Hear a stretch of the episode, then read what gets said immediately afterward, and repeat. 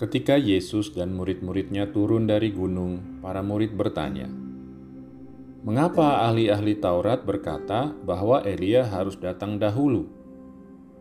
Yesus menjawab, "Memang Elia akan datang dan memulihkan segala sesuatu, dan Aku berkata kepadamu, Elia sudah datang, tetapi orang tidak mengenal Dia." dan memperlakukannya menurut kehendak mereka. Demikian pula Anak Manusia akan menderita oleh mereka. Pada waktu itu, mengertilah murid-murid Yesus bahwa ia berbicara tentang Yohanes Pembaptis.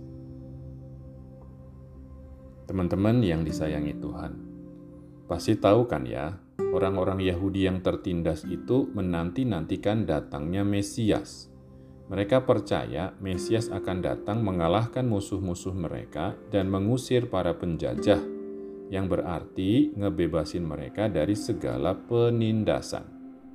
Tentu bisa dibayangin Mesias seperti apa yang mereka tunggu-tunggu.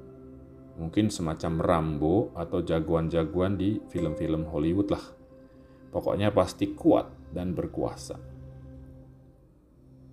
Teman-teman sahabat Yesus, Orang Yahudi percaya bahwa sebelum Mesias datang, Nabi Elia akan muncul atau datang lagi, menyiapkan semuanya.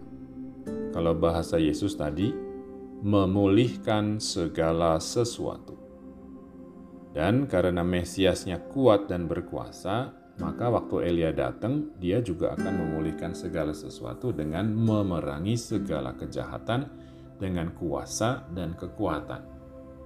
Itu yang ada di pikiran orang-orang Yahudi.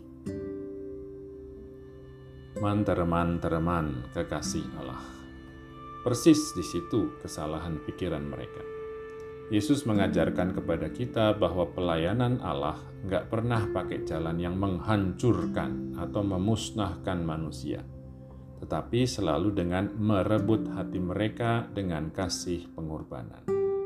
Itulah sebabnya mereka nggak kenal Elia yang udah datang dalam diri Yohanes Pembaptis. Itulah juga sebabnya mereka nggak kenal Mesias yang datang dalam diri Yesus. Mantemin yang terberkati. Yesus Sang Mesias dulu udah datang di tengah-tengah bangsa Yahudi. Dia bakal datang lagi ke dunia meski entah kapan tapi toh tiap hari dia juga datang ke hati kita, ke dalam hidup kita bersama orang lain. Yang perlu kita perhatiin atau tanyain, gimana hati dan pikiran kita? Apa kita, kayak orang-orang Yahudi, punya mindset atau pikiran sendiri tentang siapa Allah dan gimana dia bekerja? Atau kita udah punya hati dan pikiran yang terbuka, siap menerima Allah sebagai Allah siap ngebiarin dia bekerja dengan kasih dan kerahimannya.